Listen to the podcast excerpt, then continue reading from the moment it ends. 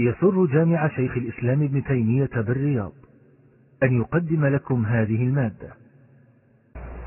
بسم الله الرحمن الرحيم. الحمد لله رب العالمين. وصلى الله وسلم على نبينا محمد وعلى آله وصحبه أجمعين. أما بعد فقال الإمام المجدد شيخ الإسلام محمد بن عبد الوهاب رحمه الله تعالى في كشف الشبهات ثم منهم من يدعو الملائكة لأجل صلاحهم وقربهم من الله ليشفعوا له أو يدعو رجلا صالحا مثل الله أو نبيا مثل عيسى. وعرفت أن رسول الله صلى الله عليه وسلم قاتلهم على هذا الشرك ودعاهم إلى إخلاص العبادة لله وحده. كما قال تعالى وأن المساجد لله فلا تدعوا مع الله أحدا.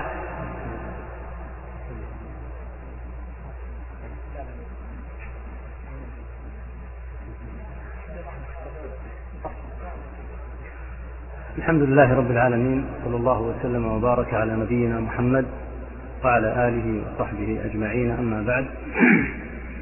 فنسأل الله بأسمائه وصفاته أن يعوض على أمة محمد صلى الله عليه وسلم فقيدها الشيخ العلامة شيخنا الشيخ عبد الله بن جبرين رحمة الله تعالى عليه وأن يجزل له الأجر على ما قدم. وما يحدث مثل هذه الأمور ينبغي أن يقابل بالرضا والتسليم. وهي مسألة أجراها الله سبحانه وتعالى على الخلائق. ومثل هذه الأمور تدفع طلبة العلم المتفننين المتمسكين بالسنة إلى أهمية لزوم العلم لأن الله سبحانه وتعالى جعل أهل العلم منارات فينبغي الحرص على العلم لأن الناس لا يهلكون إلا إذا لم يكن لهم رؤوس من العلم كما قال صلى الله عليه وسلم في خبر هلاك الناس اتخذ الناس رؤوسا جهالا فأفتوا بغير علم. فيحرص الإنسان على أن يتعلم العلم ويبذل ما استطاع. فالأمر كما قال السلف فإن أحدكم لا يدري, لا يدري متى يحتاج إليه. قد يحتاج إليك لاحقا لا سيما مع غربة الدين وقلة المستمسكين بالسنة. فيحرص طلبة العلم على أن يبذلوا وسعهم حتى يكونوا خلفا لسلفهم. نسأل الله أن يعيد السنة ويرفعها ويخذل البدعة وأهلها. نعود إلى ما ذكره الإمام المجدد الشيخ محمد رحمه الله تعالى في كلامه. يقول عرفت أن رسول الله صلى الله عليه وسلم قاتلهم على هذا الشرك ودعاهم إلى إخلاص العبادة الله كما قال تعالى فلا تدعوا مع الله أحدا يوضح رحمه الله سبب قتال النبي صلى الله عليه وسلم للمشركين. سببه هو صرفهم العبادة لغير الله. هذا هو السبب. سبب قتال النبي صلى الله عليه وسلم لبني العم والعشيرة هو أنهم صرفوا العبادة لغير الله عز وجل. هذا هو السبب الحقيقي. وهذا كله يؤكد على أن أمر الربوبية ليس هو أمر ليس هو الأمر الذي فيه النقاش.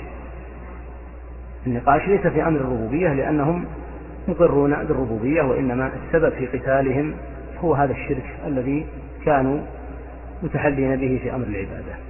ثم ذكر قوله تعالى فلا تدعوا مع الله أحدا وهي جزء من قوله تعالى وأن المساجد لله فلا تدعوا مع الله أحدا.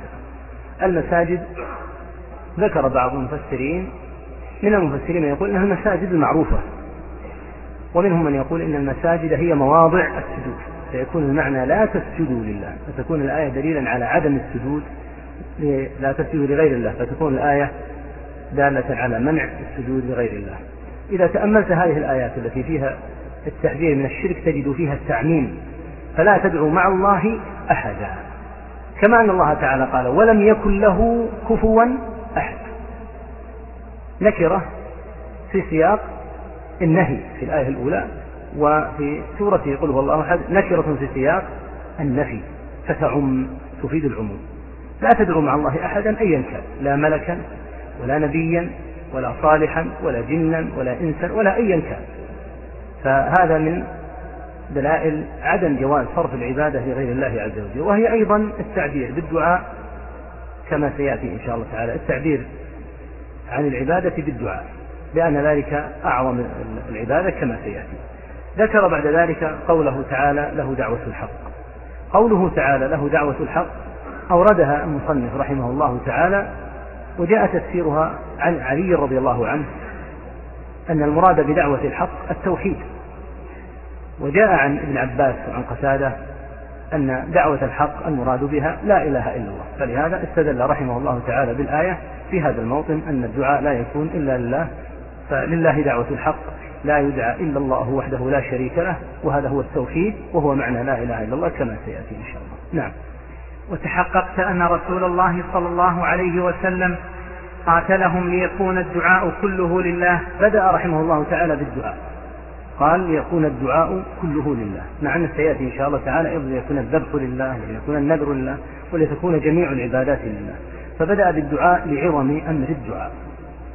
قال صلوات الله وسلامه عليه الدعاء هو العبادة. هذا مثل ما تقدم كقوله صلى الله عليه وسلم الحج عرفة. فكأن الدعاء لعظم شأنه كأنه هو العبادة. ولهذا جاء عن أنس رضي الله عنه أنه قيل له الدعاء نصف العبادة؟ قال والعبادة كلها. رضي الله عنه.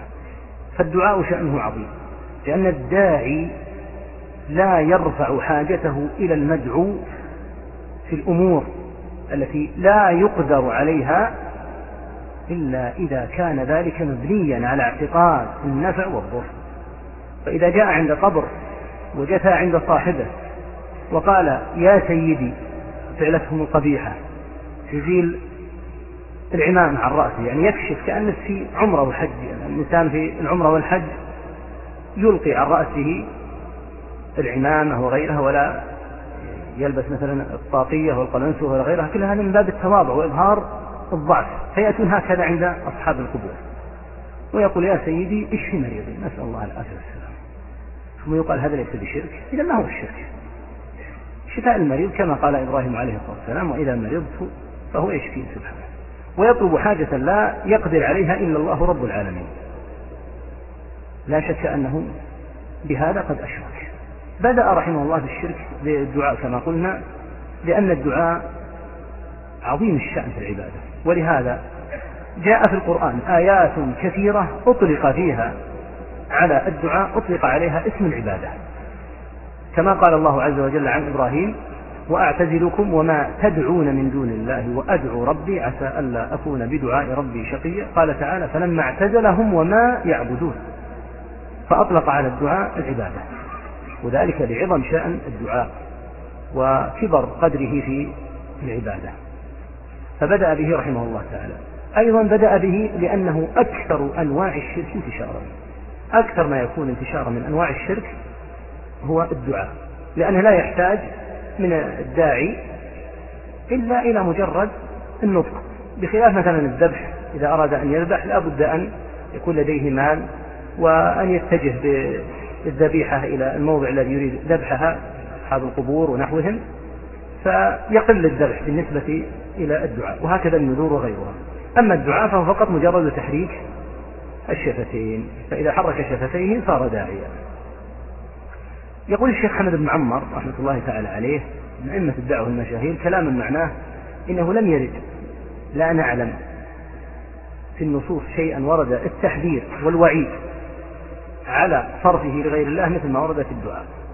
دعاء غير الله عز وجل أكثر ما يكون في النهي عنه في النصوص. نهي عنه في النصوص نهيا شديدا وعظم الله عز وجل من شأنه وهو كثير جدا النهي عن دعاء غير الله تعالى. فبدأ به رحمه الله تعالى بما ذكرنا من عظم شأن الدعاء وكثرة انتشاره في العابدين لغير الله تعالى. نعم. والنذر كله لله. النذر أن يلزم المكلف النذر في الشرع. أن يلزم المكلف نفسه شيئا لم يجب عليه بأصل الشرع. تكون هناك سنة من السنن مثل صيام ثلاثة أيام من كل شهر. فيقول لله علي أن أصوم ثلاثة أيام من كل شهر. صيام ثلاثة الأيام الآن صار واجبا. أوجبه على نفسه. هذا معنى النذر إلزام المكلف نفسه شيئا لا يجب عليه بأصل الشرع. أو أن ينذر لله عز وجل أن يعتكف ليلة في المسجد. فالاعتكاف ليس واجبا لكن الآن صار واجبا. هذا معنى النذر. كيف يصرفون النذور لغير الله تعالى؟ يصرفون النذور لغير الله تعالى لأنهم يعتقدون أن أصحاب هذه القبور يسمعون ولديهم تصريف. فيأتي أحدهم ويقول يا شيخ فلان أو يا سيدي فلان إن رددت علي غائبي أو إن ربحت تجارتي فلك علي أن أضيء الموضع بالشموع أو بالكهرباء اللي هو موضع القبر ولهذا تجدها مضاءة دائما ويقفون عليها الأوقات عياذا بالله. فهذا مما كانوا يفعلونه. فالمصنف رحمه الله يؤكد هنا على أن يكون الدعاء كله لله وعلى أن يكون النذر لله. نعم. والذبح كله لله. نعم الذبح. أي الذبح الذي هو ذبح العبادة. وذبح العبادة كثير. منه الأضاحي الذبح المشروع منه العقيقة منه الهدايا في الحج وهكذا الإهداء إلى البيت حتى في غير حج ولا عمرة. كل هذه من أنواع الذبح. ولهذا قال النبي صلى الله عليه وسلم لعن الله من ذبح لغير الله. رأيت بعضهم انتقد الشيخ العلامة محمد بن عبد الوهاب رحمه الله يقول كيف يقول الذبح؟ الذبح أنواع وتفصيل أنواعه منه ما هو هذا من الحذلقة العجيبة. إذا ننتقد قول النبي صلى الله عليه وسلم لعن الله من ذبح لغير الله. معلوم من المقصود الذبح الذي هو على خلاف الذبح المعتاد لكن إذا قال الإنسان أنا سأذبح للضيف. هل يقصد أن يتقرب للضيف أو يقول انتهى اللحم من بيتي سأذبح هذا الخروف أو هذا العجل أو هذا البعير. هل معنى ذلك أنه يذبح يتقرب إلى أطفاله؟ معلوم أن المقصود هنا الذبح الذي يتقرب به الذابح لغير الله وهذا معروف من سياق كلامه. يقول وأن تكون العبادات كلها لله وكلامه هو في أمور العبادة.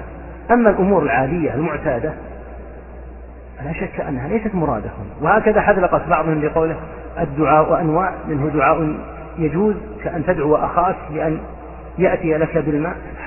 محاولة سلام متعهرات فقط.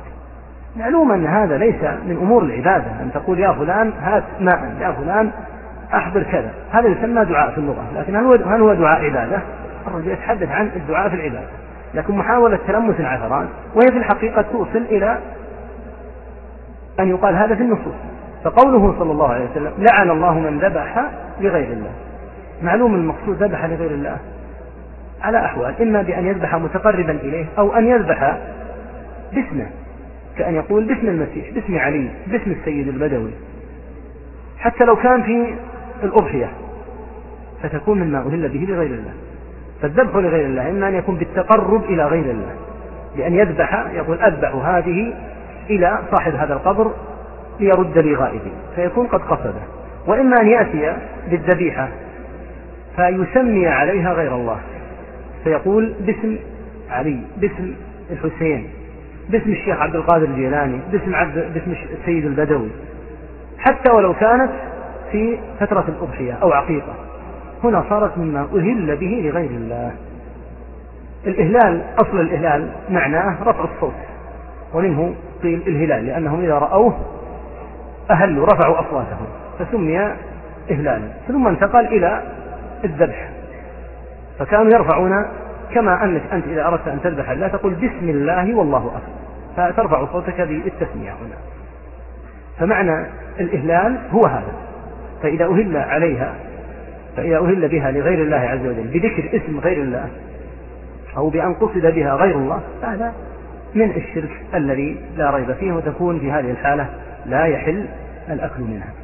فمراده أن الذبح يكون لله عز وجل. وقد عظم الله من شأن الذبح حتى قرنه سبحانه وتعالى بالصلاة وهي أعظم شعائر الإسلام الظاهرة وهي أجل ما في الإسلام بعد التوحيد.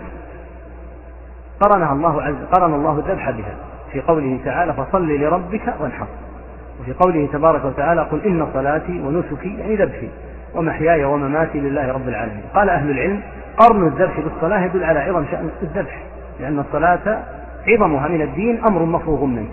فلما قرنت للذبح دل على عظم الذبح الذي قرنت به. فالحاصل أن هذا كله يدل على ما أراد المصنف رحمه الله تعالى من جعل الذبح لله وحده دون شريك. نعم. والاستغاثة كلها لله. الاستغاثة أصلها طلب الغوث أن يطلب من غيره أن يغيثه. ومعلوم أن المقصود الاستغاثة فيما لا يقدر عليه إلا الله سواء كانت في أمور الدنيا أو كانت في أمور في الآخرة. ولهذا قال الاستغاثة كلها. قد تكون في أمور الدنيا كأن تغرق السفينة. سفينة تغرق وتتحطم في أثناء البحر. وليس حولك من ينجدك. فالاستغاثة هنا لا تكون إلا بالله. لكن لو استغاث برجل في المشرق قال يا فلان هذا شرك أكبر لأنها استغاث لأنه استغاث بغير حاضر وغير قادر. لأنه إذا كان غائبا فلا يكون حاضرا. وهكذا لو استغاث به في أمور الآخرة كما قال صاحب البردة البوصيري حين يستغيث بالنبي صلى الله عليه وسلم ليأخذ بيده يوم القيامة في المحشر. فلا تكون الاستغاثة في مثل هذه الأمور إلا بالله وحده لا شريك له. أما الاستغاثة المعتادة التي قال الله عز وجل عن صاحب موسى فاستغاثه الذي من شيعته على الذي من عدوه فهذه استغاثة عادية. كأن تطلب من أحد أن يغيثك لو غرق أحد أو احترق المنزل تقول يا فلان أغثني أنا أغرق أو تقول يا فلان أعني على إطفاء الحريق. هذا ليس داخل نطاق الكلام أصلا لأن هذه ليست من العبادة وإنما الكلام عن الاستغاثة العبادية والذبح العبادي. فالكلام هنا مقيد بما يتعلق به. ولهذا فصل الشيخ رحمه الله وغيره من أئمة الدعوة أنواع الاستغاثة وبينوا أن الاستغاثة الجائزة وهكذا الاستعانة الجائزة وهكذا الدعاء الجائز ما يكون متوفرا فيه الشروط الثلاثة. أن يكون بحي حاضر قادر. فإن كانت بميت سقط الشرط الأول والثاني والثالث. لأنه لا يكون حيا ولا حاضرا ولا قادرا. وإن كانت بحي غير حاضر أيضا فهي استغاثة غير جائزة لأنها استغاثة بمن لا يعلم الغيب ولا يستطيع أن يطلع عليه. ما يستطيع أن يطلع على ما أنت فيه حتى يغيثك. وهكذا لو استغيث بحي حاضر غير قادر كأن يستغاث بطفل رضيع. هذا نوع من العبث والاستهزاء لأنه معلوم أنه لن يستطيع أن يفعل شيء لكن يخشى ما يظنه العامة في بعض البلاد أن فيه سرا كما يقول أن فيه سرا على سرا فيه قدرة على أن ينجي وعلى أن يغيث وإن كان في طفولته. ولهذا قال أهل العلم لا بد من توفر الشروط الثلاثة معا. فإذا استغاث بحي حاضر قادر هذا شك هذا بلا شك معتاد وجائز وليس محلا للنقاش كما يستغيث المجاهدون بعضهم ببعض. كأن يكثر العدو في جهة فيطلب أهل الجناح الأيمن مثلا من أهل الجناح الأيسر أو من الذين في الخلف أو المقدمة أن يغيثون الأمر معتاد ومعروف. فالكلام عن الاستغاثة التي هي نوع من أنواع العبادة التي لا تصرف إلا لله. كلها لا تكون إلا لله تعالى. نعم. وجميع أنواع العبادات نعم. كلها لله. بعدها يعني الذي سبق كان نوعا من التخصيص لكثرة ما يكون فيه من الشرك. ثم أجمل العبارة رحمه الله فقال وجميع أنواع العبادة كلها لا تكون إلا لله. وسواء قسمت العبادات إلى مالية وبدنية أو إلى ظاهرة وباطنة أو إلى اعتقادية وقولية وعملية إذا كانت بالإطلاق الشرعي عبادة فإنها لا تكون إلا لله تعالى. نعم. وعرفت أن إقرارهم بتوحيد الربوبية لم يدخلهم في الإسلام وأن قصدهم الملائكة والأنبياء يريدون شفاعتهم والتقرب إلى الله بذلك هو الذي أحل دماءهم وأموالهم. نعم هذا كله تأكيد على ما تقدم لهذا ما نشرحه الشيء الذي يكون تقدم لا نعيد شرحه مرة أخرى. كل ما ذكر من قضية إقرار القوم بتوحيد الربوبية وأن هذا هو السبب في إقرار في استحلال دمائهم وأموالهم هذا كله مما تقدم. نعم. عرفت حينئذ أن التوحيد الذي دعت إليه الرسل وأبى عن الإقرار به المشركون. وهذا التوحيد هو معنى قولك لا إله إلا الله. نعم هنا قوله عرفت الثانية هذا جواب الشرط. يقول إذا عرفت في الأول ذاك الأول عرفت فعل الشرط. ثم قال عرفت حينئذ هذا جواب الشرط. إذا عرفت ما تقدم من إقرارهم بالتوحيد وأن الذي أباح دماءهم وأموالهم هو شركهم في العبادة عرفت عند ذلك وهذا جواب الشرط عرفت عند ذلك التوحيد الذي دع التوحيد الذي دعت إليه الرسل. وهذا التوحيد الذي دعت إليه الرسل هو معنى قولنا لا إله إلا الله لأن هذه الكلمة لا شك أنها كلمة عظيمة ولها مدلول ومفهوم محدد وواضح في الشرع. هذه الكلمة بينت النصوص معناها. لم تترك النصوص هذه الكلمة لأهواء الناس ولغنونهم ولهذا جاء تفسيرها في القرآن نفسه في أكثر من موطن. يقول الله تعالى فمن يكفر بالطاغوت ويؤمن بالله فقد استمسك بالعروة الوثقى. العروة الوثقى هي لا إله إلا الله. يبين تعالى أنها تتضمن نفيا وإثباتا. فمن يكفر بالطاغوت هذا النفي ويؤمن بالله هذا الإثبات. الذي يتحقق له هذا يكون قد استمسك بالعروة الوثقى. والطاغوت في هذا الموطن كما بين المفسرون المراد به ما عبد من دون الله من الأوثان والأنداد فمن كفر بما عبد من دون الله عز وجل أيا كان المعبود وآمن بالله وحده إيمان الموحد فهو الذي قد استمسك بالعروة الوثقى. وهذا معنى قول الله عز وجل أيضا ذكر الله الركنين هذين في قوله تعالى وإذ قال إبراهيم لأبيه وقومه إنني براء مما تعبدون إلا الذي فطرني. فقوله براء مما تعبدون هذا ركن النفي لا إله. وقوله إلا الذي فطرني هذا ركن الإثبات إلا الذي فطرني إلا الله. وقوله قولنا لا إله إلا الله لا هذه هي النافية للجنس. وكلمة إله اسم لا منصوب وعلامة نصبه الفتحة. أين خبرها؟ لأن لا لها اسم ولها خبر. خبرها مقدر بقولك حق. لا إله حق إلا الله. أي لا معبود حق إلا الله. وهذا التقدير قد دل عليه القرآن في موطنين.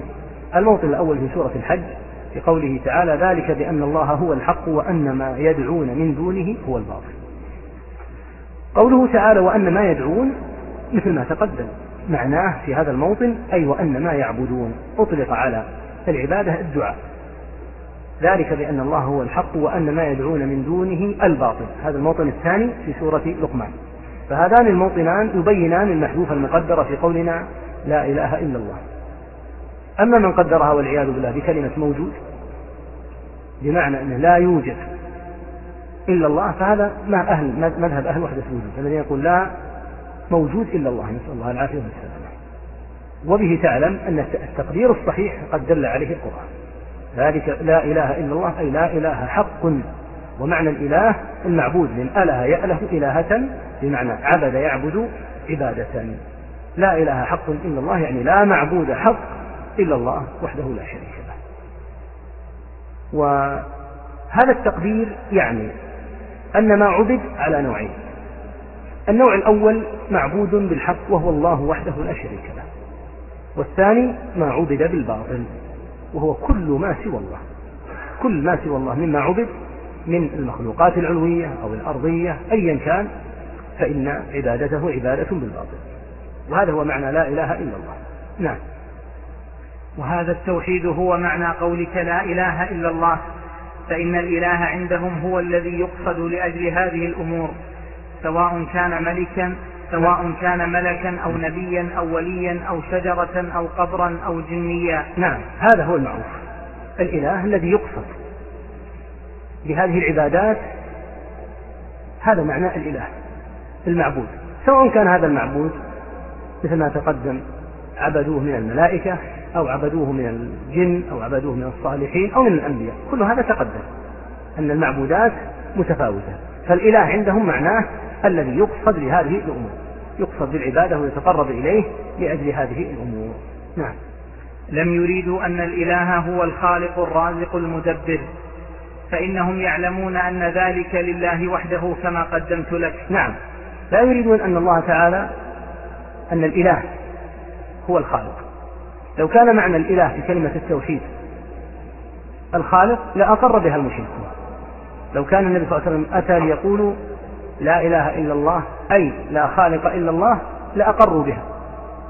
بدليل القرآن ولئن سألتهم من خلقهم ولئن سألتهم من خلق السماوات والأرض كلها يجيبون عليه بجواب واحد لا يقولون الله. فدل على أن الإله هنا لو كان معناه الخالق لأقروا به. فالذين فسروا الإله بأن المراد بالإله في كلمة التوحيد الخالق أو القادر على الاختراع. كما يقوله أهل الكلام من المعتزلة وأضرابهم ومن تأثر بهم.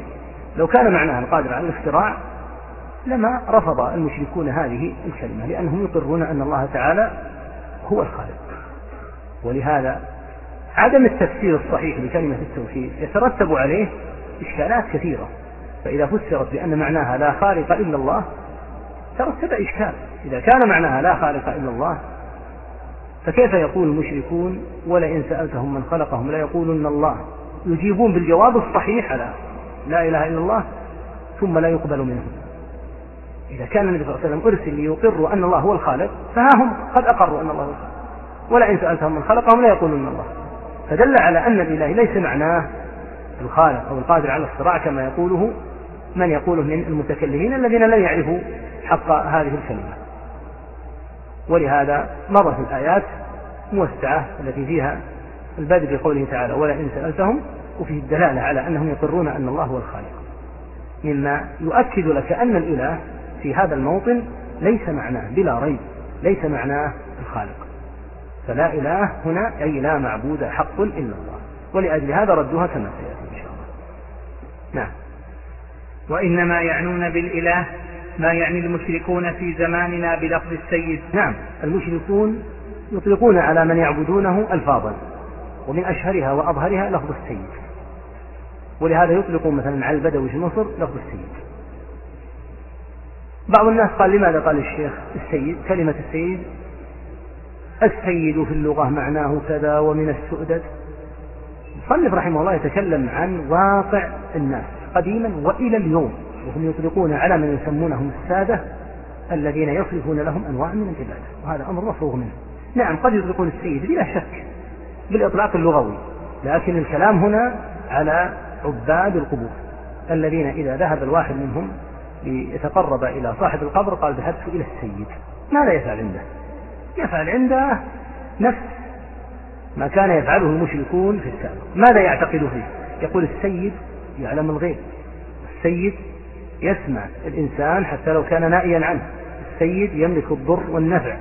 السيد عنده جاه ومكانة عند الله عز وجل بحيث كما قال بعضهم إذا أنا مت فليس بيني وبينكم إلا ذراع. فإذا طلبتم حاجة فأتوا. ما يفصلكم ما يفصل ما يفصلكم عني إلا مقدار هذا القبر. يعني يطلب منهم أن يعبدوه لاحقا. فيقول هذا السيد أتينا إلى السيد ذهبنا إلى السيد.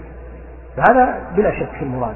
يقول إن المشركين لا يسمون معبوداتهم بالرب لكن يصرفون لهم نفس ما يصرف للرب سبحانه وتعالى ويطلقون عليهم لفظ السيد والسادة كما يطلق على البدوي مثلا. ثم إنهم يحجون قبره حجا ويطوفون به وينذرون له ويذبحون عنده ويهتفون باسمه ويدعونه من دون الله. فهذا بلا شك وهذا أمر شائع وكثير ومشتهر عندهم إطلاق كلمة السيد على من يعبد من دون الله تعالى. نعم. فأتاهم النبي صلى الله عليه وسلم يدعوهم إلى كلمة التوحيد وهي لا إله إلا الله. والمراد من هذه الكلمة معناها لا مجرد لفظها. نعم. النبي صلى الله عليه وسلم أتاهم بكلمة التوحيد وطلب منهم عليه الصلاة والسلام هذه الكلمة. ولم يرد عليه الصلاة والسلام أن يتلفظوا بها فقط دون أن يعملوا بموجبها. ولهذا كما سيأتي ردوها رد الجاحد بعد العلم بها. لا شك أنهم لا يريدون هذه الكلمة لا بألفاظها كما سيأتي إن شاء الله تعالى ولا يرغبون ولا ولا يقرون معناها. فالنبي صلى الله عليه وسلم أتاهم ودعاهم إلى لا إله إلا الله ولم يرد أن يتلفظوا بها فقط وإنما أراد أن يتلفظوا بها ويمتثلوها واقعا. واقعا تعيش به الدول وتعيش به البيوت وتعيش به أمور الاقتصاد والاجتماع والسياسة وكل شيء.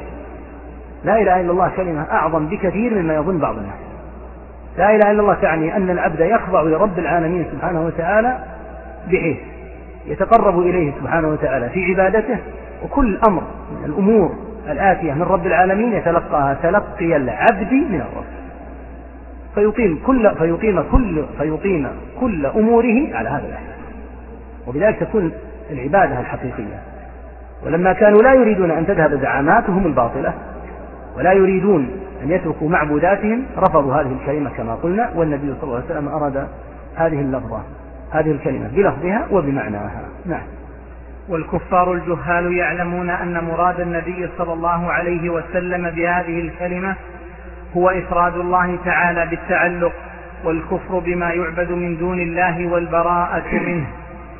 فإنه لما قال لهم قولوا لا إله إلا الله قالوا أجعل الآلهة إلها واحدا إن هذا لشيء عجاب. نعم المصنف يقرر هنا أمرا دل عليه القرآن وهو أن الكفار حين ردوا كلمة التوحيد ردوها رد العارف بمعناها الذي جحدها بعد أن عرف. لا رد الجاهل المسكين الذي رد وهو لا يعرف. لأنهم لو كانوا جهالا لألمتهم الرسل حتى يعلموا. لكنهم ردوها رد المنابذ لها المستكبر عنها. وقد دل على هذا القرآن في أكثر من موطن تقدمت بعض الآيات ولا بأس من إعادتها. مرة أخرى بإنجاز. الدليل على أن الكفار يعرفون معنى لا إله إلا الله ما أورد المصنف هنا رحمه الله تعالى. سبب نزول هذه الآية أن النبي صلى الله عليه وسلم اشتكاه قومه إلى عمه أبي طالب وقالوا إن ابن أخيك يشتم آلهتنا ويسفه أحلامنا إلى آخر كلامه. فاستدعاه أبو طالب عمه وقال يا ابن أخي ما بال قومك يشتكونك قال صلوات الله وسلامه عليه وقد امتلأ المجلس بهم. وبقي موضع قريب من أبي طالب. فخشي عدو الله أبو جهل أن يجلس النبي صلى الله عليه وسلم فيه فيكون لقربه من أبي طالب شيء من الرقة عليه. فجلس عدو الله فيه حتى يسد على النبي صلى الله عليه وسلم فأتى النبي صلى الله عليه وسلم وإذا بالمجلس قد امتلأ. فقال يا ابن أخي ما بال قومك يشتكونك قال يا عم إني أريدهم على كلمة تدين لهم بها العرب وتدفع لهم بها العجم الجزية فقالوا كلمة واحدة لنعطينكها وأبيك وعشر كلمات معه ما بيننا وبينك إلا كلمة نطلقها ونصلح يصلح حالنا معك سنعطيك هذه الكلمة ونزيدك عشرة. قال عليه الصلاة والسلام قولوا لا إله إلا الله. فقاموا ينفضون ثيابهم نفض الثوب يدل على الغضب. غضابا وقالوا أجعل الآلهة إلها واحدا. هذا معنى لا إله إلا الله. أنها ستلغى جميع الآلهة وسيكون إله واحدا. أليس هذا دالا على علمهم؟ بل يدل على أنهم يعلمون أن لا إله إلا الله تعني أن تدمر جميع المعبودات وتصرف العبادة لله. يعني قالوا أجعل الآلهة إلها واحدا. وهكذا قول الله تعالى إنهم كانوا إذا قيل لهم لا إله إلا الله يستكبرون ويقولون أئنا لتاركوا آلهتنا لشاعر مجنون؟ ففهموا من لا إله إلا الله أنه لا بد معها من ترك الآلهة. لا بد أن تترك الآلهة المعبودة من دون الله. وهذا فهم وهذه مقولة الفاهم للمعنى لا الذي جهل المعنى. وهكذا ما قدمنا من ما ذكر الله عز وجل عن قوم هود. قال تعالى وإلى عاد أخاهم هودا قال يا قوم اعبدوا الله ما لكم من إله غيره. لما ردوا عليه قالوا أجئتنا لنعبد الله وحده ونذر ما كان يعبد آباؤنا؟ أجئتنا لتكون العبادة لله وحده ونذر أي ونترك ما كان يعبد آباؤنا؟ أليس هذا كلام من يعلم معنى لا إله إلا الله؟ هذا معنى لا إله إلا الله. أن يعبد الله وحده وأن يترك ما يعبد من دونه وأن يكفر به ويبرأ إلى الله منه كما قال إبراهيم عليه الصلاة والسلام. كفرنا بكم وبدا بيننا وبينكم العداوة والبغضاء أبدا حتى تؤمنوا بالله وحده. وإذ قال إبراهيم لأبيه وقومه إنني براء براء مما تعبدون. فيبرأ إلى الله ويكفر بما عبد من دون الله. كما قال تعالى فمن يكفر بالطاغوت يعني المعبود من دون الله ويترك ما عبد كما قال قوم هود. ونذر أي ونترك ما كان يعبد آباؤنا. فلا شك أنهم يعرفون معنى الكلمة. لا ريب أنهم يعرفون معنى الكلمة. ولهذا قالوا ما قالوا في هذه الآيات نعم. فإذا عرفت أن جهال الكفار يعرفون ذلك فالعجب ممن يدعي الإسلام وهو لا يعرف من تفسير هذه الكلمة ما عرفه جهال الكفرة بل يظن أن ذلك هو التلفظ بحروفها من غير اعتقاد القلب لشيء من المعاني.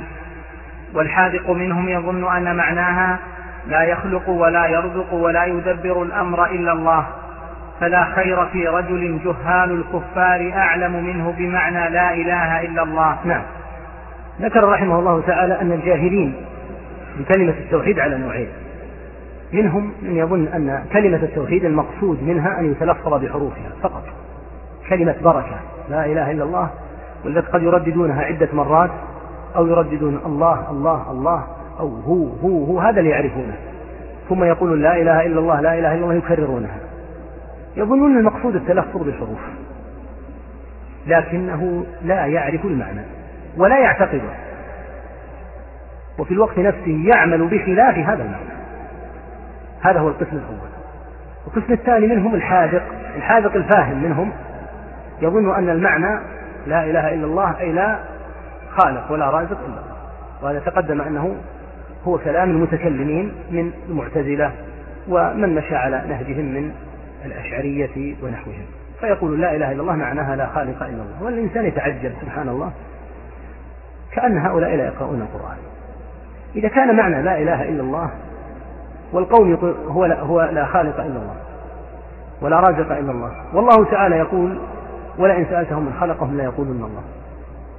فكيف كانوا ينظرون إلى الكفار ولهذا الرازي على أنه من كبار المتكلمين على أن في تفسيره من الأغلاط شيء عظيم جدا لا يدركه إلا من عرف عقيدة الرجل ولهذا لا ينصح به إلا لمن كان يعرفه. لما أتى إلى هذا الموطن لم يتمكن لم يتمكن إلا أن ينتقد هذا التفسير. عند قوله تعالى وإلهكم إله واحد. قال في هذا الموطن لا يمكن أن نقول إن الإله معناه القادر. الاختراع كما يقول المتكلمون. لأن الآية يكون معناها وقادركم قادر واحد. يقول ومعلوم أنه رشيك يكون معنى الآية؟ وإلهكم إله واحد وقادركم قادر واحد. قال فتعين أن المعنى المعبود. فيكون المعنى ومعبودكم معبود واحد. فيتضح المعنى ويتفق الكلام. وهذا من المواطن التي ذكرها على أنه أيضا قد أخل بالمعنى في مواطن أخرى. فالحاصل أن الحاذق منهم يظن أن هذا هو المعنى أنه ما يخلق ولا يرزق إلا الله. هذا أكبر ظنه. مع وضوح الآية وجلائها وما سقناه من الآيات الدالة على تفسير كلمة التوحيد لأن رب العالمين سبحانه وتعالى لا يترك كلمة التوحيد شيئا مجهولا غير معلوم بل يبينها سبحانه وتعالى في كتابه. ويبينها المبين عن ربه صلى الله عليه وسلم في أحاديثه وفي سنته وفي واقعه وفي عمله وفي حياته كلها صلوات الله وسلامه عليه. ولهذا كانت سيرته وحياته تبيانا لكلمة التوحيد ومعناها. وهكذا النصوص التي سقناها والنصوص أكثر مما سقنا نصوص كثيرة دالة على معنى لا إله إلا الله. نعم. إذا عرفت ما ذكرت لك معرفة قلب وعرفت الشرك بالله الذي قال الله فيه إن الله لا يغفر أن يشرك به ويغفر ما دون ذلك لمن يشاء. وعرفت دين الله الذي أرسل به الرسل من أولهم إلى آخرهم الذي لا يقبل الله من أحد دينا سواه.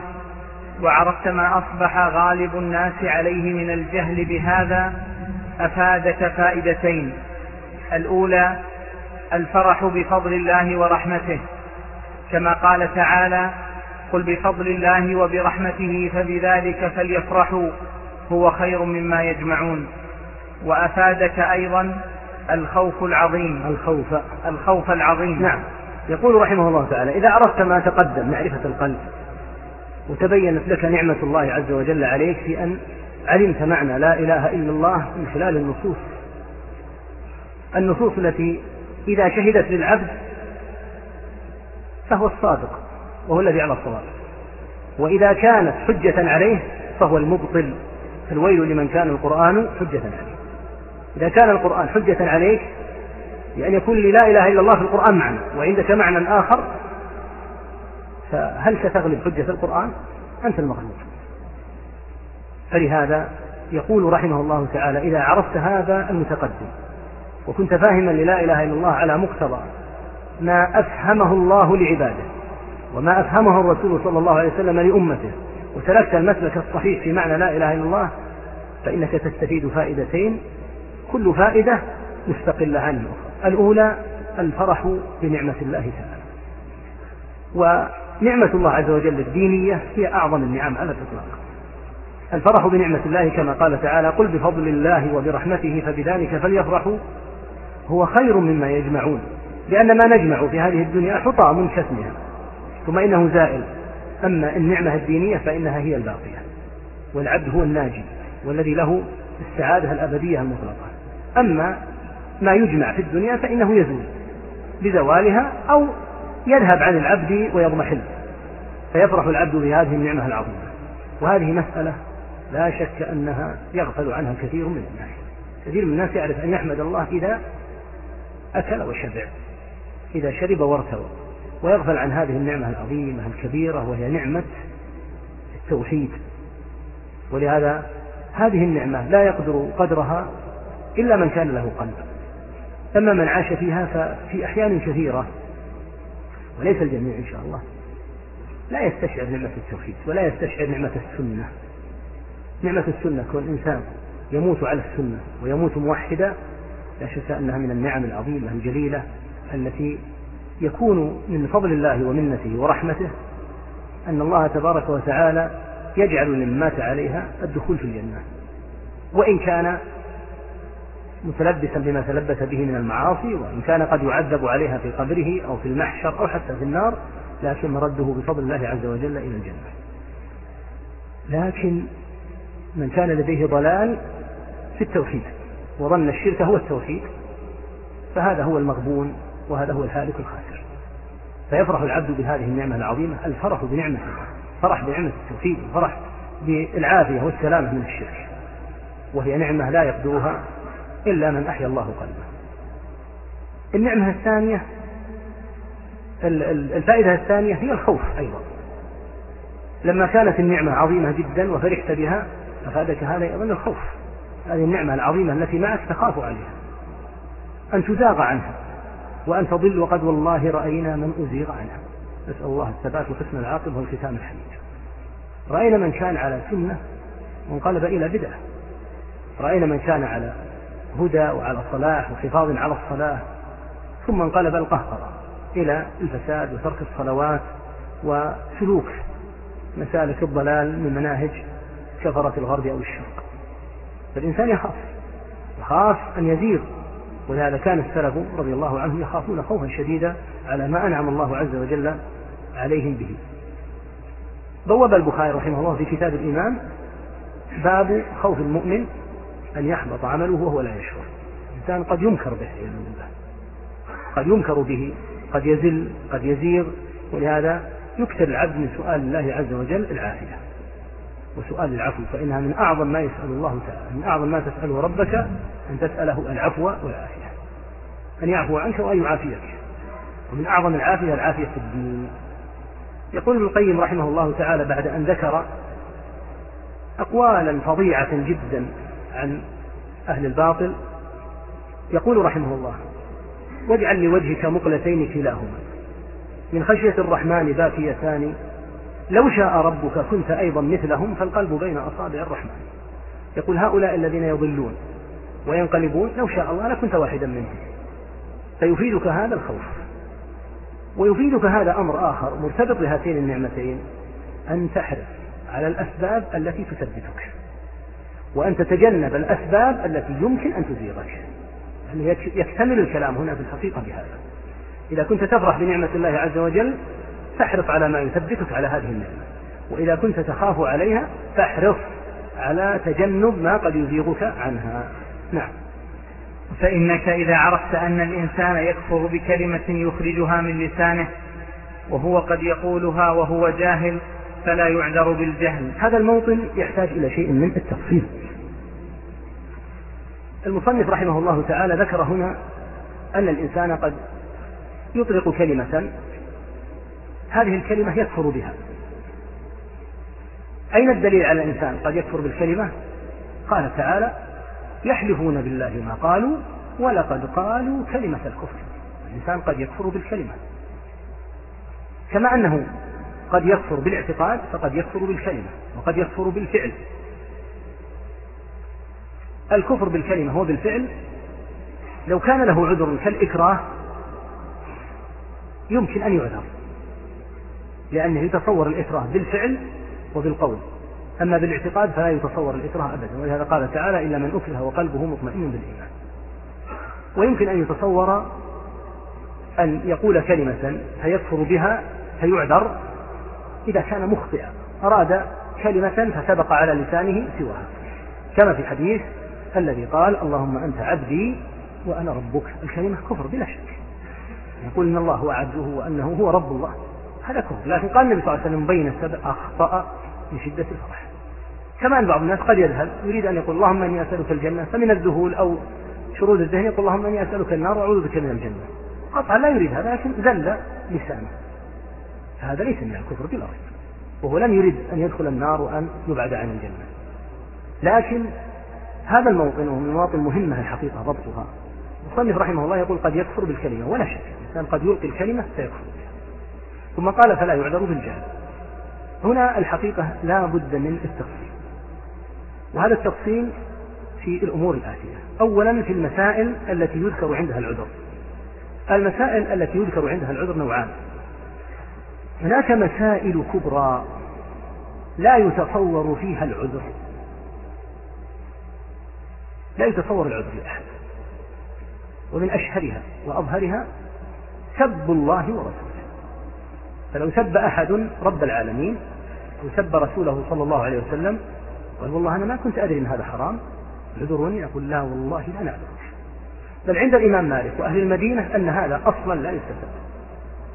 مالك رحمه الله وأهل المدينة يفرقون بين الزنديق وبين المرتد. الزنديق عندهم لا يستتاب أصلا والمرتد يستتاب يفرقون بين المرتد والمستتاب والجمهور على أن الزنديق والمرتد حكمهما. واحد وأن الجميع يستتاب فالمسائل الكبرى كأن يسب الله ثم قال ما علم سب الله حرام. هذا رأيت نقول تكذب والله. لا شك أن هذه كفر لا تعذر به. أو يسب الرسول صلى الله عليه وسلم يقول ما علمتم. أشهد أنه رسول الله لكن ما, ما علمتم الشرع حرم أني أتكلم في رسول الله صلى الله عليه وسلم بما لا يليق. نقول هذا لا يمكن أن تعذر به. يستتاب عند الجمهور وعند مالك أصلا لا يستتاب رحمه الله. المسائل الثانية التي يذكر عندها العذر المسائل التي تخفى مسائل خفية. يمكن أن يجهلها الإنسان بحسب بيئته بحسب الزمان بحسب حاله هو من حداثة عهد وشدة جهل وعدمه يتصور أن تجهل. فالمسائل يمكن يمكن أن تجهل. ويتفاوت هذا. قد لا يجهل في هذا الزمن أمر الصلاة. فلو قال الإنسان الصلاة غير واجبة. في وقتك هذا لا يمكن أن يعلم لكن في آخر الزمان ثبت عن النبي صلى الله عليه وسلم أنه قال يشرع على القرآن فلا تبقى منه كلمة في السطور ولا في الصدور. ويبقى الرجل الكبير والمرأة العجوز يقولون لا إله إلا الله كلمة أدركنا عليها آباءنا فنحن نقولها. يقول صلى الله عليه وسلم لا يدرى صيام ولا نسك ولا صلاة ما يعرف في ذلك الوقت نسأل الله. العافية في في آخر الزمان. فجهلوا أمورا لا يجهل مثله. لكن يختلف الحال بحسب الزمان. لأن في ذلك الوقت لا يعرفون إلا هذه الكلمة. ولهذا قال صلة لحذيفة رضي الله عنه لما روى الحديث قال ما تنفعهم لا إله إلا الله لا صيام ولا صلاة. قال تنجيهم من النار. لماذا قال تنجيهم من النار؟ لأن هذا هو ما في مقدورهم والله لا يكلف نفسا إلا وسعها. لكن أن يقول إنسان إن لا إله إلا الله تنجي من النار الآن ولو ترك الإنسان الصلاة والصيام والأعمال كلها فليس صحيح تفاوت الحال. لأن النبي صلى الله عليه وسلم بين السبب قال يسرى على القرآن. يعني السري يكون في الليل. لا تبقى كلمة في الصدور ولا في السطور لا حول ولا قوة لا يبقى القرآن أي وجود في الأرض. هنا لا يعرف الناس أن هناك صلاة. رفع الأمر رفعا تاما عياذا بالله. فلا يبقى عندهم إلا كلمة كانوا يسمعونها من آبائهم فاستمسكوا بها وهي كلمة التوحيد وهذا يدل على عظم شأن كلمة التوحيد. كما قال فليتك فيه من النار لأن هذا هو فرضهم هذا هو الذي يتمكنون منه. فهذا حال ووضع الناس في مثل هذه الأزمنة حال آخر. إذا المسائل التي يعذر الناس بها هي المسائل التي تخفى أما أن يقول الإنسان ما تحرر عندي أن محمد رسول. المسألة هذه خفيت عليه لا عذر في هذا رسول الله رغم أنفك أو أن يسب الرسول صلى الله عليه وسلم. وما علمت أنه محرم. أنا أشهد أنه رسول لكن أسب لا تعذر في مثل هذا. ولو ادعيت العذر لا يمكن أن يقبل العذر في مثل هذه لأن هذه المسائل لا تجهل. فهذا ما يتعلق بالمسائل. المقام الثاني ما يتعلق بالجهل. يقال الجهل أيضا ليس واحدا. الجهل على نوعين. هناك جهل مكتسب. أوصل الإنسان إليه إعراضه. لا يتعلم ولا يرفع رأسا بأحكام الله ولا يكترث بكلام الله ولا بكلام رسوله صلى الله عليه وسلم ولا يلتفت مطلقا إلى ما أوجب الله عليه. هذا لا بد أن يجهل يقينا سيجهل لأنه معرض. يقول أهل العلم لو عذر هذا لأعرض الناس وقالوا الإعراض سبيل من سبل إسقاط التكاليف لأن إذا أعرضنا لم يجب علينا شيء. قالوا فهذا الجهل المكتسب لا يعذر الإنسان به. النوع الثاني من الجهل هو الذي فيه الكلام وهو الجهل الذي لا حيلة للجاهل في دفعه فهو في بيئة على النحو الآتي. ليس فيها علماء الحق والسنة هذا واحد. اثنين ليس عنده هو قدرة على التعلم. يعني يكون عاميا. ثلاثة ليس عنده قدرة على الوصول إلى علماء السنة في غير بيئة. قالوا فجهل هذا غير جهل السابق. لأن هذا الجاهل قد يعجز عن أن يصل إلى الحق. وقد يظن أن ما هو في بيئته هو الصواب. بينما القسم الأول الذي جهله مكتسب يجد الوسيلة للتعلم يجد علماء الحق حتى إن مثلا في زمنك هذا سهل الأمر لو اتصل بجواله دون أن يسافر ودون أن يرحل ودون أن يذهب. يعلم بالهاتف. لكنه يجهل مثل هذه الأمور. قالوا فجهل هذا لا يمكن أن يكون مثل جهل الآخر. هل الشيخ محمد رحمه الله بن عبد الوهاب يفصل في الجهل أو أنه يقول إنه لا يعذر بالجهل مطلقا؟ لا شك أن الشيخ رحمه الله على منهاج أهل العلم والسنة يفصل بلا ريب في الجهل. أن الجهل ليس شيئا يعني يمكن أن يطلق الجاهل لا يعذر. لكن على التفصيل الذي ذكرناه لك سواء في المسائل يتفطن لأن الجهل من جهة المسائل نفسها فمن المسائل ما لا يجهل ومن المسائل ما يخفى فيكون فيه العذر. ثم إن الجهل نفسه على نوعين. هناك جهل المتسبب فيه إعراض الإنسان كما قال النبي صلى الله عليه وسلم ومثل لما ذكر المثال فيما بعثه الله به قال ومثل من لم يرفع بذلك رأسا ولم يقبل هدى الله الذي أرسله الناس لا يرفع رأسا ولا يكترث بالأحكام ولا يهتم بأن يعرف ما أوجب الله عليه. فلو عذر مثل هذا لا أعرض إعراضا تاما وقال أنا معذور. فعندنا مسائل وعندنا جهل. كلتا كلا المسألتان المسائل على نوعين والجهل على نوعين. شيخ محمد رحمه الله تعالى لا شك أنه يفصل في الجهل. والدليل على أنه يفصل في الجهل نفس كتابك هذا كشف الشبهات سيأتي فيه موطن إن شاء الله تعالى يتكلم فيه من قبل الشيخ على موضوع العذر بالجهل. في نفس الكتاب سيردنا هذا الموطن. وكان رحمه الله وهذا في الدرر الثانية يقول إذا كنا نعذر من يعبد الصنم الذي على قبر البدوي لجهل يعني الوثن الموجود قصدها القبور الموجودة هنا. لأن إذا عض من المكان صح أن يجعل وثنا كما ورد روي اللهم لا تجعل قبري وثنا. فليس معنى الوثن هو فقط النصب. النصب الذي فيه صورة هذا يسمى صنما لكن الوثن أعم. فإذا بنيت القباب والمباني على القبور سميت أوثانا. يقول إذا كنا نعذرهم لجهلهم وعدم من يعلمهم. فهذا يتصور في بعض البيئات وفي بعض الأزمنة أن يجهل ولهذا كان الشيخ رحمه الله في أول دعوته كان الناس في بلده يقولون يا زيد يعني زيد بن الخطاب الذي قتل في حروب الردة وكان له قبر يعظم في نجد هنا. فكان الشيخ يدرجهم رحمه الله يقول الله خير من زيد. حتى ما يستطيع أحد يقول لا زيد خير من الله. ثم درجهم رحمه الله بحكمته ومن الدعاة الحكماء رحمه الله تعالى حتى بين لهم أن عبادة زيد لا تصلح وأنه لا يعبد إلا الله ثم كانت العاقبة أن هدم ذلك البناء الذي بني على قبره. فالحاصل أنه لا شك أنه رحمه الله تعالى يفصل لكن ينبغي أن يفهم أمر. سمعناه من بعض الناس في هذه الأزمنة. وأنه يقول إن مثلا ثلثي الناس معذورون. هذا خطأ يا أخوة. إياك أن يوقفك الله عز وجل فيقول من أين علمت أن هذه الأرض التي أنا أعلم من فيها ثلث من فيها أو ربعه أو نصفه أو ثلثه أو أقل أو أكثر معروف كلام ليس بالحي هذا. لا تضع نسبا. الله تعالى أعلم بعباده. أنت تتحدث حديثا عاما. أما أن يكون ثلث الناس أو ثلثاهم أو ربعهم أو عشرهم أو أقل أو أكثر لا تدخل. الحقيقة ضرب من ضروب القول على الله بلا علم. رجم بالغيب. أن الثلثين أو الثلث أو الأقل أو الأكثر معذور هذا لا ينبغي ولا يقال. لأن هذا لا يمكن أن يكون إلا من خلال السبر التام لأحوال هذه المليارات من الناس. فلا يتعجل الإنسان يتكلم كما تكلم أهل العلم. يتكلم كما تكلم أهل العلم.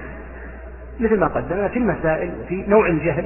أما أن تأتي إلى الأرض فتصنفها إلى أن عدد من فيها كذا يعذرون. هذا ما يصلح.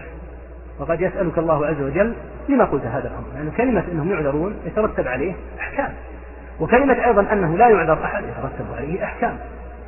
فأنت تكلم عن المسألة ووضحها وجلها هكذا أما أن تتحدث عن أعداد من يعذرون فهذا ليس لك. هذا في الحقيقة غيب لا يعلمه إلا علام الغيوب سبحانه وتعالى. فالحاصل أن هذا الموطن موطن احتيج فيه إلى التفصيل وأيضا هذا الموطن المصنف رحمه الله تعالى أجلاه وبينه في مواضع أخرى. ومن الغلط البين التوسع الشديد في العذر. لأن الأحوال تتفاوت. ولهذا يرد مثل هذه الأمور العظام ترد إلى أهل العلم الكبار المبرزين الذين يعون مثل هذه المسائل. يا أخوة مثلا لما كانت البلاد المسماة بالاتحاد السوفيتي كانت تمنع حتى وجود المصحف. فضلا عن أن يوجد كتاب من الكتب الإسلامية. هل الوضع الآن مثل الوضع سابقا. يوجد وسائل مثل الإنترنت وغيره يستطيع الإنسان أن يتعلم دينه من خلالها. كما أن الإنسان إذا أراد أن يشتري للسيارة يبحثون في المواقع وإذا أراد أنه يبحث عن علاج يسأل فلا يسأل عن دينه. الآن كثير من الناس تفقه. لما عرف حقيقة مثل هذه الأجهزة وما ينبغي أن تستعمل فيه تفقه وعرف شيئا كثيرا من دينه من خلال هذه المواقع. الآن العذر يضيق أو يتسع يضيق. العذر يضيق. لكن لما كان أولئك الشياطين لو وجدوا مع إنسان مصحفا لأهلكوه حتى حدثنا بعض من ذهب إلى تلك المواطن في إبان ثورة الشيوعيين يقول إنه خرج مرة في الليل فكان يلقاه بعض المسلمين يقول ما معك مصحف؟ ما معك مصحف؟ حتى إن من عجائب ما فعل أنه يقول كان عندي مصحف ففرقت أوراقه بينهم. لقلة المصاحف ولصعوبة الحصول عليها. فهل الحال الآن مثل ذلك الحال؟ تفاوت ولهذا نقول هذه الأمور غيب في الحقيقة. يمكن أن يتحدث عنها بإجمال بشيء من العمومية. أما أنك تأتي إلى بني آدم الذين لا يعلموا أعدادهم وأحوالهم إلا رب العالمين وتعطي نسبا مئوية فهذا خطأ نعم. وقد يقولها وهو يظن أنها تقربه إلى الله تعالى كما كان يظن المشركون.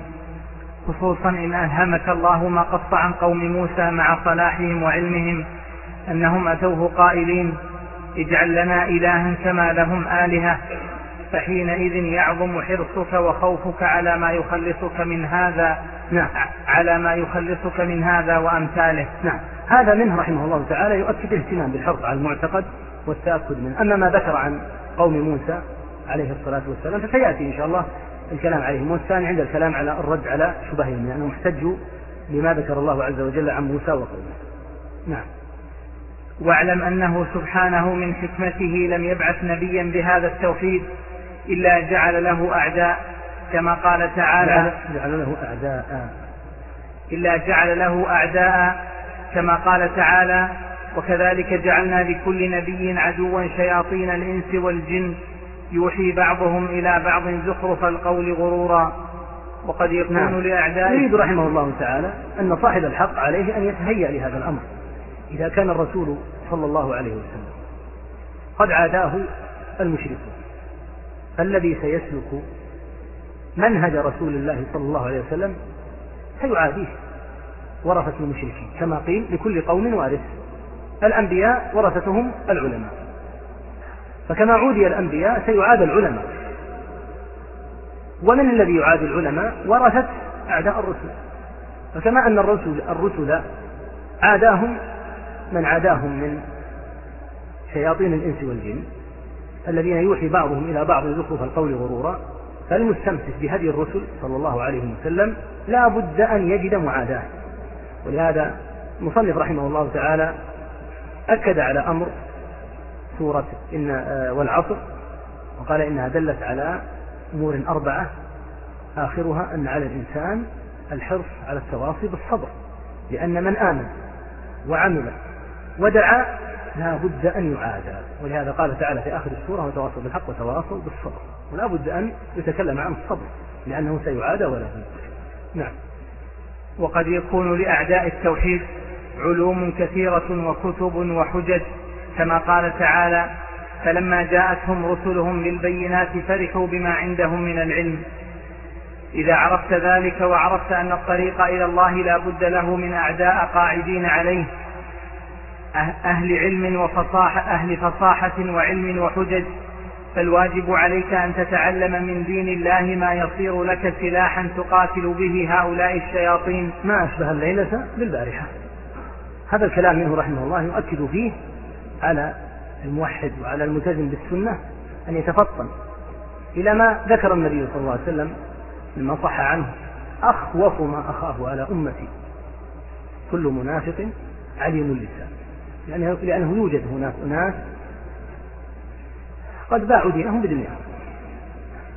وأرادوا أن ينظروا للشرك لما فيه من المصالح التي يجتنبونها إلى أنفسهم. كما ذكر الله عز وجل عن الرهبان. يا أيها الذين آمنوا إن كثيرا من الأحبار والرهبان لا يأكلون أموال الناس بالباطل ويصدون عن سبيل الله. نعم. لأن لو لم يصد عن سبيل الله ما أكل بالباطل. كان عالما سنيا يعلم الناس ما أوجب الله عليهم. تفقهوا وتنوروا وتبصروا. فمن أين يأتي أن يعطوه المال؟ من أين يعطونه المال؟ فلهذا تجد العالم السني لا يتأكل بدعوته. بل ربما يبذل هو في الدعوة. أما علماء البدعة فتجد أنهم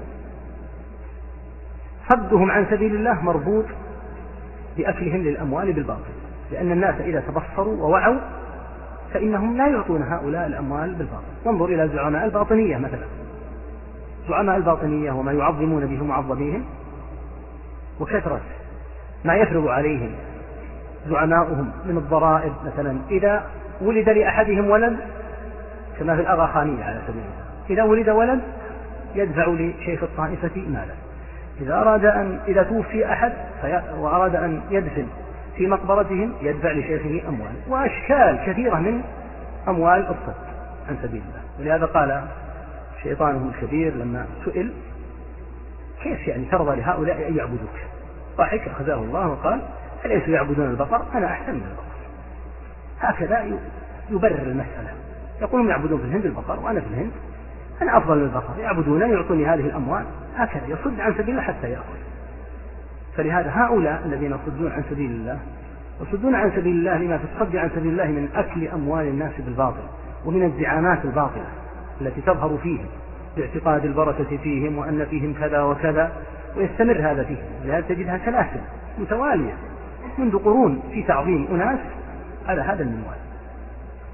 يقول فعليك أن تتفطن لهؤلاء لأن هؤلاء لما أرادوا الصد عن سبيل الله اتخذوا أنواعا من العلوم وصاروا يأخذون المتشابه مثلا ويجلبون به على أهل الحق.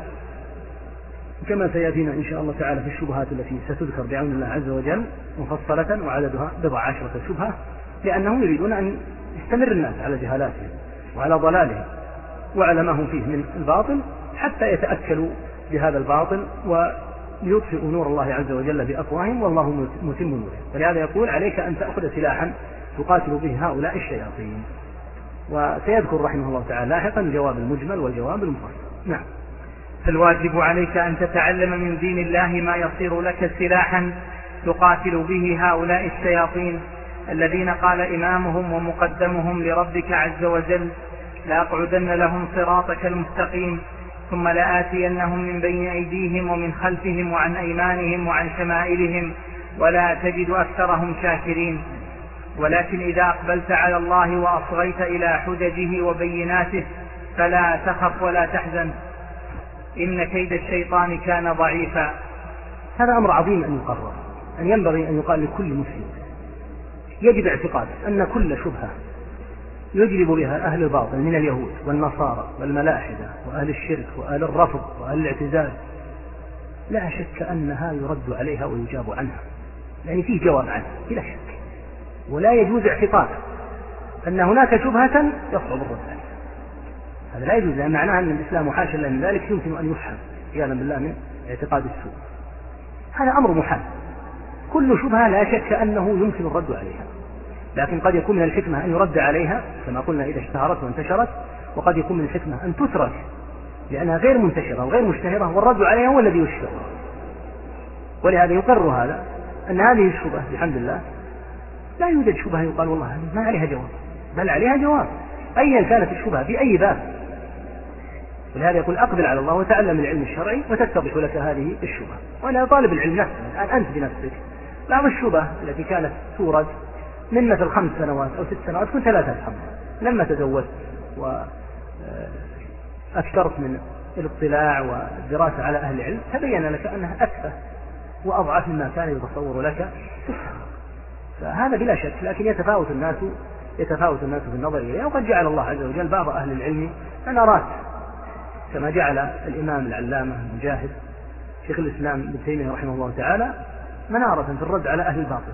لم يبقي ولم يذر رحمه الله تعالى. رد على المتكلمين رد على الروافض رد على النصارى رد على المناطقة رد على الفلاسفة رحمة الله تعالى عليهم وأفحمهم إفحاما عظيما. فما هناك شبهة يقال والله يتوقف العلماء ما يستطيعون هذا ولا يجوز اعتقاده بتاتا. فهذه الشبهة كما قال ابن القيم واثبت فصيحتهم كمثل دخان يرقى إلى الأوج الرفيع وبعده يهوي إلى قاع الحضيض الداني قد يظهر أنها قوية وأنها لكنها في الواقع ليست كذلك. ولهذا مثل ما قلنا عن قاسم بن محمد رحمه الله تعالى على سمته وهديه العظيم كان يضحك ضحكا من تلك الشبه لسخافة وتفاهة ما فيها. نعم. والعامي من الموحدين يغلب ألفا من علماء هؤلاء المشركين. نعم. وذكر رحمه الله تعالى أن العامي الموحد الذي بنى أموره على فطرته السوية وعلى ما عليه المجتمع السني الموحد يغلب الألف من علماء هؤلاء المشركين. لاحظ أخي أنه قال من علماء هؤلاء المشركين. ولم يقل إنه يغلب العلماء. ما ما يقول عاقل لكن يقول علماء الشرك علماء الضلال الذين يقول الناس ادعوا غير الله اعبدوا غير الله. العامي الموحد بفطرته السوية يستطيع أن يرد عليه كما سيأتي في الجواب الآتي إن شاء الله تعالى المجمل والمفصل. ولا عجب بعض الناس انتقد الشيخ أيضا رحمه الله في هذا لا عجب. إن أغضبهم هذا فليعلموا أن عمر بن عبد العزيز رحمه الله تعالى ثبت عنه أنه سئل عن شيء من الأهواء فقال عليك بدين الصبي في الكتاب والأعرابي والهو عما سواه. الأعرابي والشو عام. والصبي في الكتاب. عام. يقول عليك بالاعتقاد النظيف الفطري السليم الذي ما فيه هذه الشبهة. وهكذا قول غيره كسفيان الثوري ونحوهم. من العبارات الواردة على هذا الموضوع أن العامي السني ذا المعتقد السليم يغلب الألوف من علماء هؤلاء المشركين. ولهذا ذكر اللالكائي وابن بطة وغيرهم قصة عجيبة أن رجلا أعرابيا دخل المسجد يبحث عن عالم عن شيخ يدعو له لأن ناقته سرقت. فأتى وإذا بالرجل المعمم والذي حوله أناس يدرسون هو عمرو بن عبيد رأس المعتزلة. فقال يا شيخ إن ناقتي سرقت فادعو الله أن يعيدها. عمرو بن عبيد قاتله الله على طريقة المعتزلة. قال اللهم إنك لم ترد سرقتها فسرقت فارددها عليه قال اكفف عني دعاء لا أريد هذا الدعاء. قال لماذا؟ قال لأنه إن كان لم يرد السرقة فسرقت. أخشى أن يريد أن ترد فلا يستطيع أيضا. وكانت هذه من عجائب الرجل. ذكر أهل العلم في كتب الاعتقاد. قالوا فأفحم هذا العامي عمرو بن عبيد رأس. قالوا كف عني رب يعجز صار في ملكه أن سرقت من غير أن يريد. يمكن أيضا أن يريد أن يردها فما يستطيع حجة عامية مبنية على عقيدة سوية في القدر.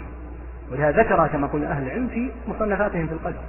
وهكذا ما ذكر اللالكائي أن رجلا من المعتزلة كان عنده جارية فأراد بعض أهل السنة أن يشتريها. فلما أراد أن يشتريها قال لا يأتيكم بالماء أو بالطعام إلا من تريدون شراءه فأتت وطلب منها قدحا من الماء سيدها ثم وضع قدح الماء على يده وقال يزعم قوم أني لا أريد أن لو أردت أن أشرب هذا الماء لأن المعتزلة تقول إن إرادتنا هي النافذة وإنما أردناه يقع وأن الله لا يتعلق لا تتعلق مشيئته بمراداتنا قال يزعم قوم أني لا أستطيع أن أشرب هذا الماء إن لم أشربه فهي حرة لوجه الله. فلطمت الكأس من يده وسقط الماء. فاعتقت فسماها أهل العلم أهل السنة سماها سموها مولاة السنة الذي أخرجها السنة والاعتقاد الصحيح. فما صار لها مولى هذا يريد أن يشتريها. فهذه من عوام فهذا مصداق ما قاله رحمه الله تعالى أن العامي الذي بني منهجه منهجا سليما يغلب رؤوس هؤلاء المبتدعة والضلال. يسأل عن تكفير جميع المعتزلة والمعطلة لأنهم تأولوا. فهل يقال ذلك في علماء الصوفية؟ في التكفير أمر لعله يأتينا الكلام عليه وأنه له ضوابط في مسألة الفرق بين التكفير للمعين والتكفير بالعموم وهكذا ما يتعلق بموضوع التأول ونحوه هذا يأتي إن شاء الله عز وجل. يقول طلب الدعاء من صاحب القبر لماذا هو بدعة وليس بشرك؟ بل هو شرك. من قال؟ إنا نقول إنه بدعة. ما معنى قول الشيخ رحمه الله تعالى؟ لا نكفر من عبد قبة الحسن والبدوي وابن فاروق. يعني من الذين لديهم جهل يعذرون به. هذا المراد.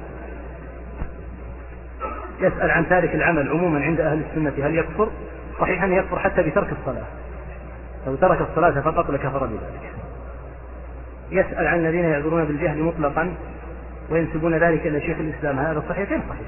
الشيخ رحمه الله فصل فصل موضوع العذر وأنه القول بالعذر مطلقا هذا لا يمكن أن يقول به شيخ الإسلام ولا غيره من أهل العلم. يسأل عن فعل الإنسان الشرك جاهلا. يجعلنا لا نسميه مشركا على ما ذكرناه الوقوع في الشرك الشرك شرك. لكن هل يقال إنه يعذر بما فعل أو لا؟ هذا هو موطن الكلام. يقول نرجو إعادة أقسام الجهل الثلاثة. الجهل نوعان يا أخي. جهل مكتسب. يعني السبب فيه تفريط صاحبه في التعلم. موجود في هذه البيئة مثلا عنده علماء وعنده قدرة على التعلم فهو مفرط. وجهل غير مكتسب. من قبل من يعيش في بيئة ليس فيها علماء الحق من جهة وليس عنده هو قدرة على التعلم ولا يستطيع الوصول إلى علماء الحق.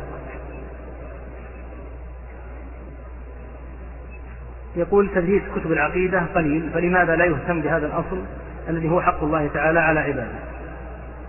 والله لله الحمد كثير إن شاء الله تعالى. لنعلم أن تدريس كتب العقيدة كثير. الحمد نعم. قد يكون فيه إقبال على كتب الفقه لكن كثير. لله الحمد لا, لا نستطيع أن نقول إنه قليل ونادر لا موجود. خاصة أنا أتكلم عن بلد إن شاء الله. قول عمر بن عبد العزيز رحمه الله رواه الأجري في الشريعة وغيره سند صحيح سئل عن شيء من الأهواء فقال عليك بدين الأعرابي والصبي في الكتاب والهو عما سواه؟ يعني لأنهم على الفطرة السوية والله تعالى أعلم وصلى الله وسلم على